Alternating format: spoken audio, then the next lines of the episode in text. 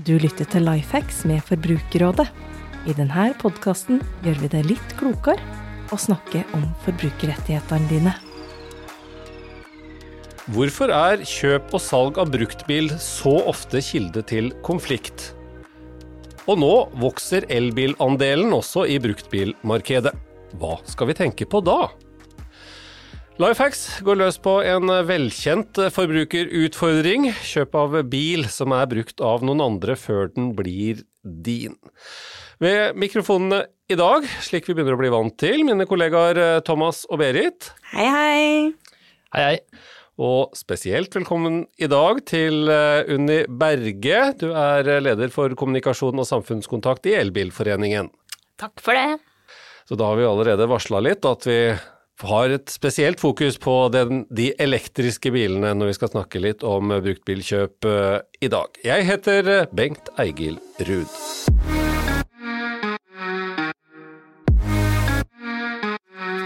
Ja, Berit. Bruktbil har i alle år trona helt i øvre sjikt av hva vi har fått henvendelser om fra fortvilte forbrukere. Hva, hva, hva, kan grunnen være til at det også i fjor var på topp over det folk henvendte seg til oss om? Det er nok mange grunner til det, men uh, bil er ofte noe folk investerer en del penger i, og som man har et stort behov for. Uh, og da blir jo alle eventuelle problemer av ganske stor betydning. Så ser vi det at når det gjelder bruktbilmarkedet, så er det nok en del forventningsavklaring som ikke er gjort på forhånd og kanskje ikke like gode undersøkelser alltid. Og det er klart at mye kan gå galt med en bil, og reparasjoner kan ofte være ganske kostbare. Så da blir det jo veldig viktig da, å få råd og veiledning, og at man gjør en god jobb før kjøp, underveis, og at man vet hva man kan kreve i etterkant. Er det, er det mye steile fronter, er det litt sånn tøffe konflikter her, eller er det enkle spørsmål som hvor vi kan hjelpe folk ganske greit? Både òg. Både og. De som kontakter oss tidlig, de har nok litt mindre steile fronter enn hvis man har holdt på lenge, da. Ja. Vi får uh, også henvendelser om uh, elbiler uh, etter hvert, regner jeg med. Hvordan ligger det an nå som vi har hatt elbiler i Norge en stund, og salget øker på ny bil, og da vil jo også begynne å bli litt mer bruktbiler til salgs? Ja, vi får mye henvendelser på elbil, kjøp av elbil, men enn så lenge relativt mye på ny elbil, ikke så mye på brukt elbil. Det er klart at det er jo ikke enn så lenge kanskje solgt like mange brukte elbiler, så det har nok mye med det å gjøre. Men vi får nå se da om det økte andelen gjør at det blir også flere henvendelser på det, eller om elbilen er en bedre bruktinvestering. ja, det kan vi komme litt tilbake til. Unni, fordi dere hører vel også litt mer om den biten, selv om det har vært mye nybil for dere til å begynne med som elbilforening i Norge.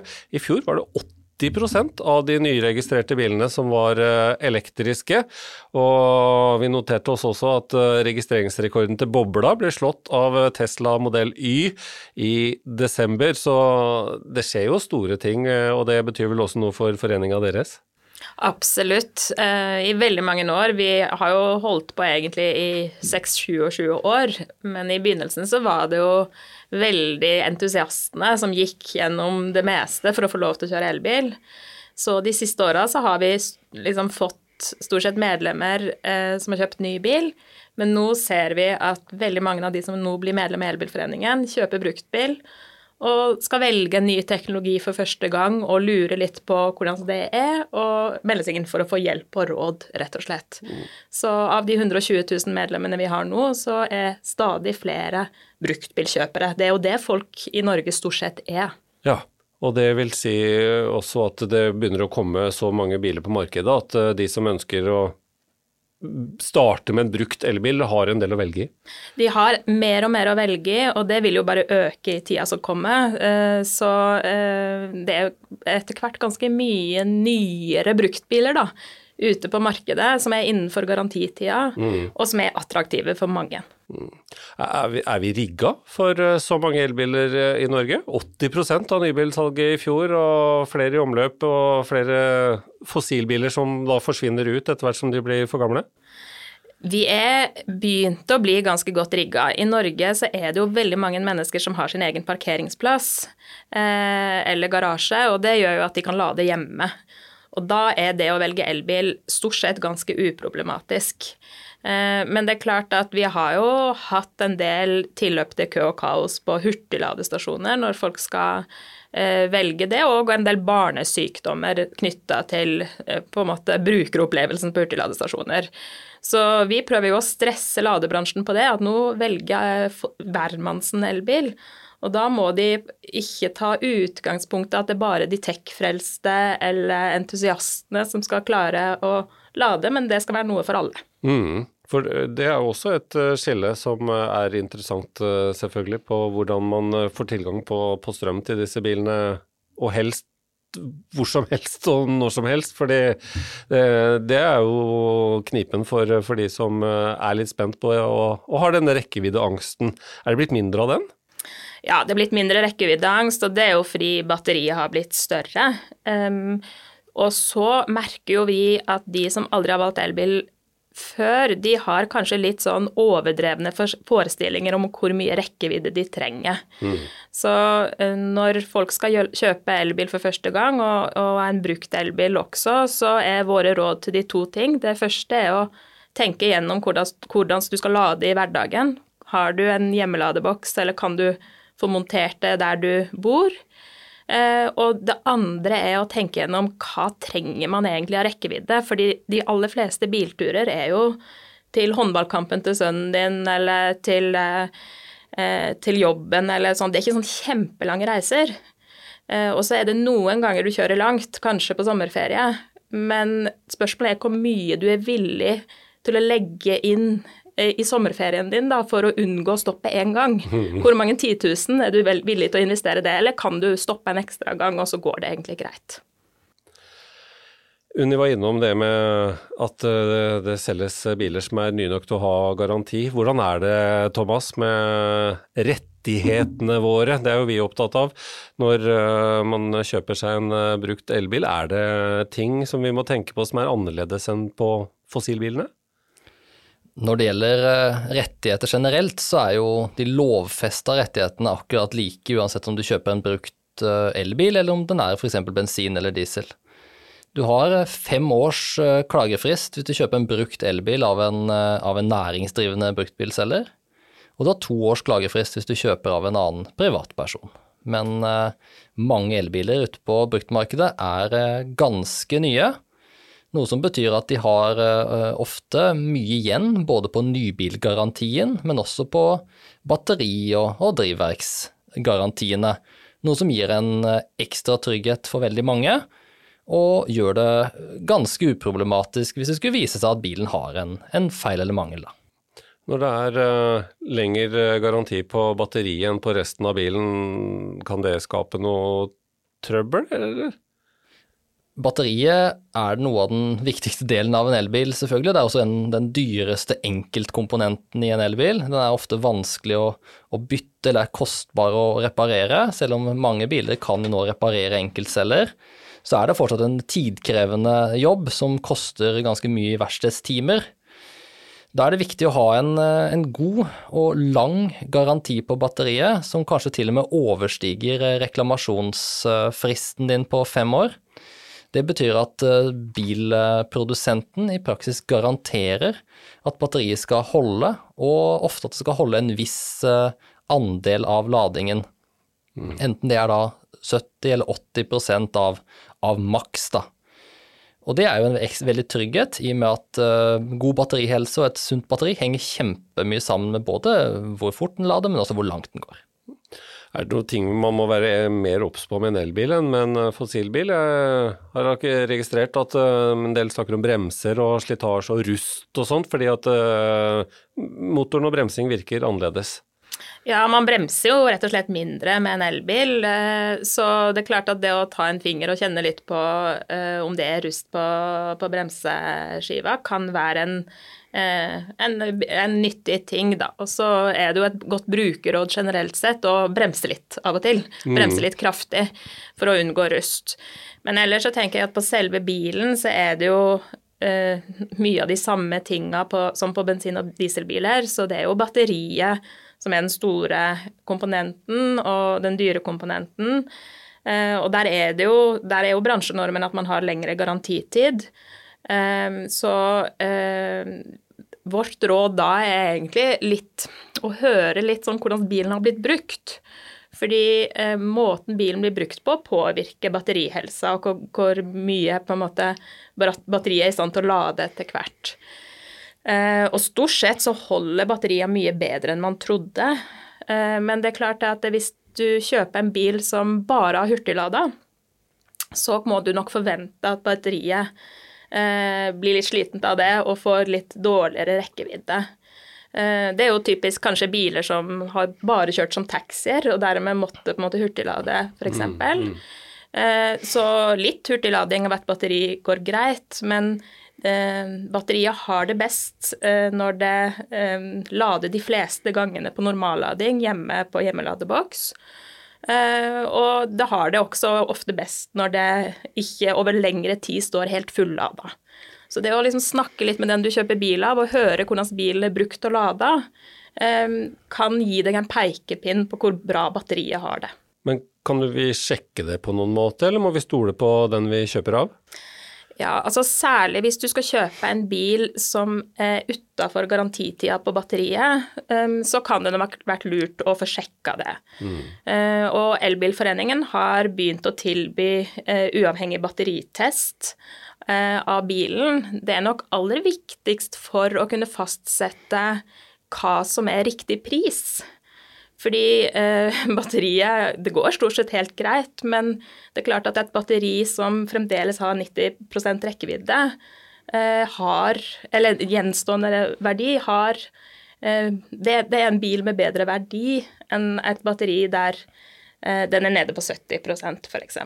Så batterihelsetester kan være nyttig for å, å vite hva god, eh, riktig pris på bilen er. Og det kan jo også være hvis du skal selge brukt bil, at det kan være lurt å legge ved. Mm. Da er vi inne på dette med å følge opp på rettighetene man har når man eh, kjøper. At man eh, gjør, er, gjør en grundig jobb eh, før man skaffer seg en bil, også når den er brukt. Ja, og det er jo viktig å, gjøre godt forarbeid, selvfølgelig, sånn som Unni er inne på. Og i motsetning til bensin- og dieselbiler, da, så er ikke bare alder og kjørelengde nødvendigvis det mest utslagsgivende når det kommer til restverdien, for å si det sånn, da, på en, på en elbil. Batterihelsen og og rekkevidden kan bestå eh, lenge etter en, uh, vanlig, en fossilbil hadde tapt seg veldig i verdi.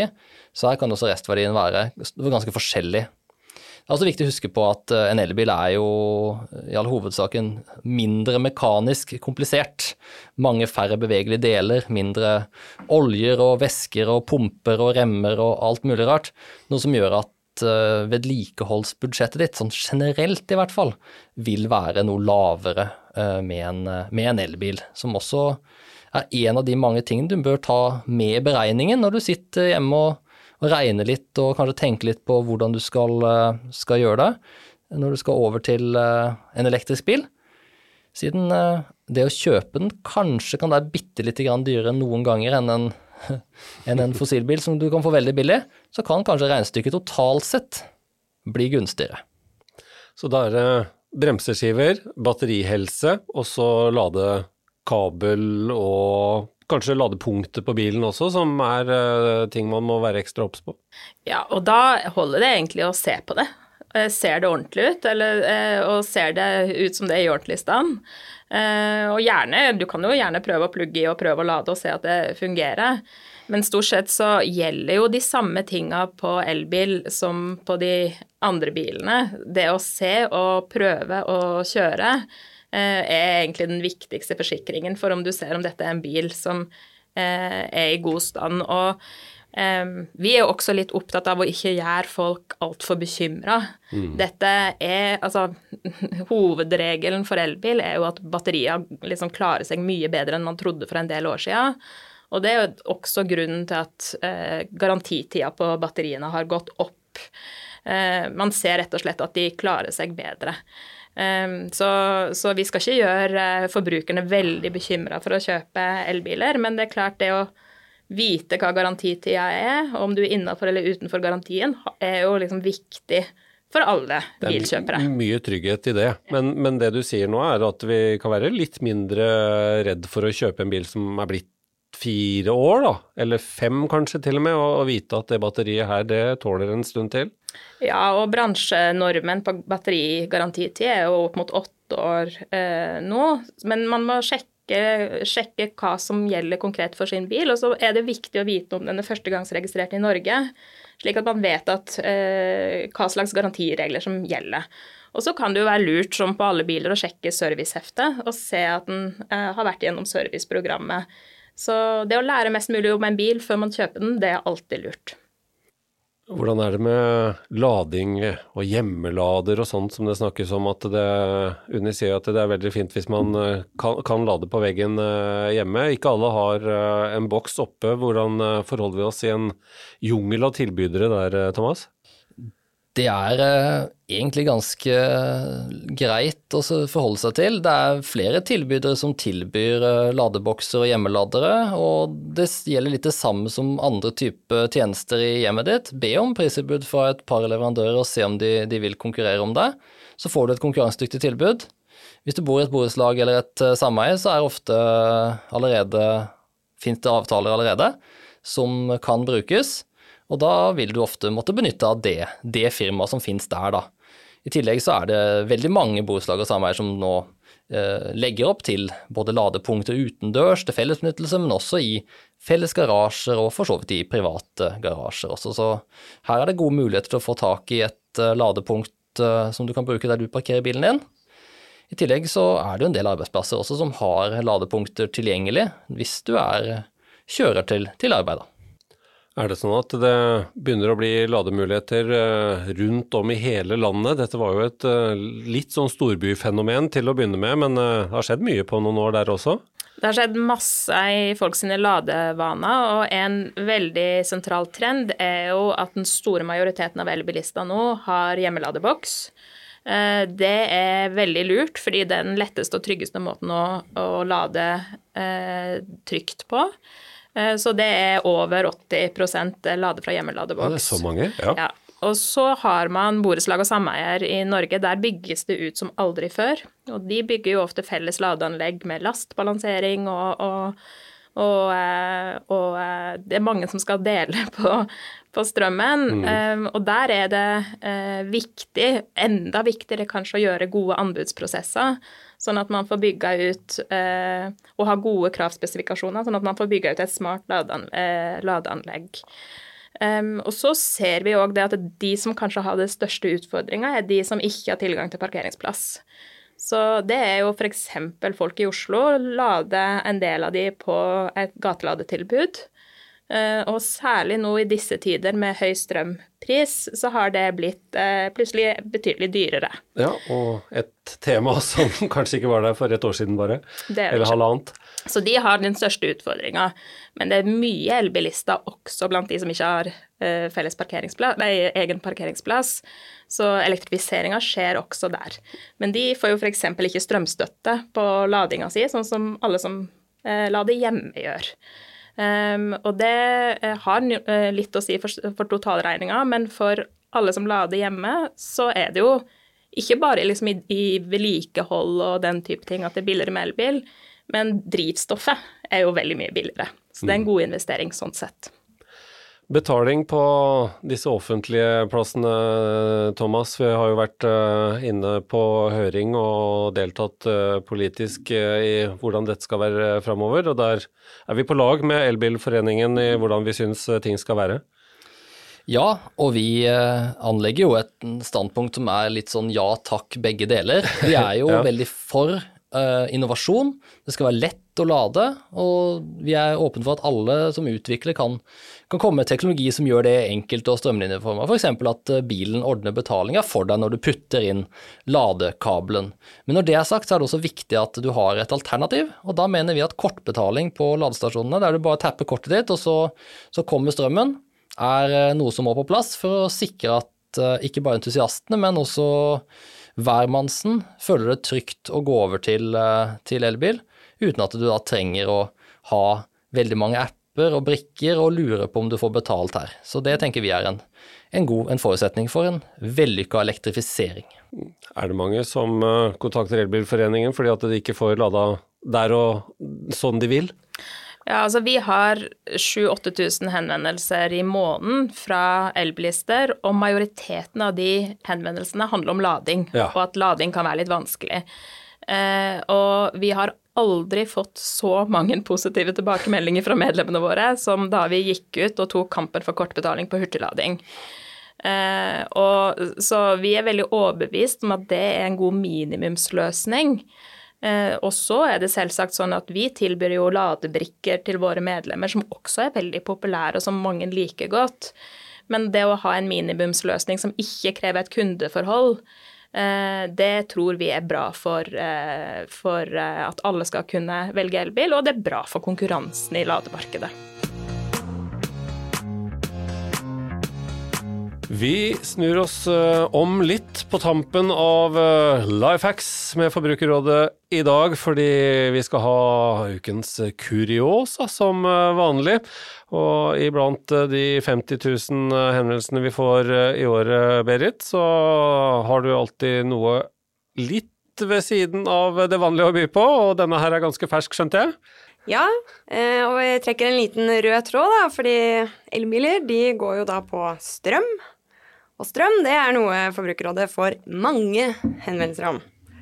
Og dagens kuriose er en liten strømhistorie om eh, hvor vanskelig det kan være å skilles fra strømselskapet. Forbrukeren hadde angret på en strømavtale og blitt satt tilbake til sitt gamle strømselskap. Han kunne ikke forstå at dette var riktig, da han hadde jo avsluttet den avtalen, og hadde jo ikke inngått noen ny avtale med dem. Og som forbrukeren selv sa, hvis jeg er skilt en gang og vil gifte meg på nytt, så blir jeg jo ikke gift med kone nummer én igjen hvis jeg skiller meg fra kone nummer to. Det var jo veilederen veldig enig i, og de eh, sa det, du kan jo angre på at du giftet deg igjen, uten at du angret, angrer på at du skilte deg første gang. Så fikk man jo ledd litt av det, da. Og ledd litt av strømselskapet, og takket for dagen. Ja, et eh, godt eksempel og en eh, bra historie. Takk skal du ha, Berit. Og takk også til eh, Thomas og til Unni Berge fra Elbilforeningen som tok turen og ble med oss på Lifehacks i dag. Takk for i dag. Vi høres. Du lytter til Lifehacks med Forbrukerrådet. I denne podkasten gjør vi det litt klokere å snakke om forbrukerrettighetene dine.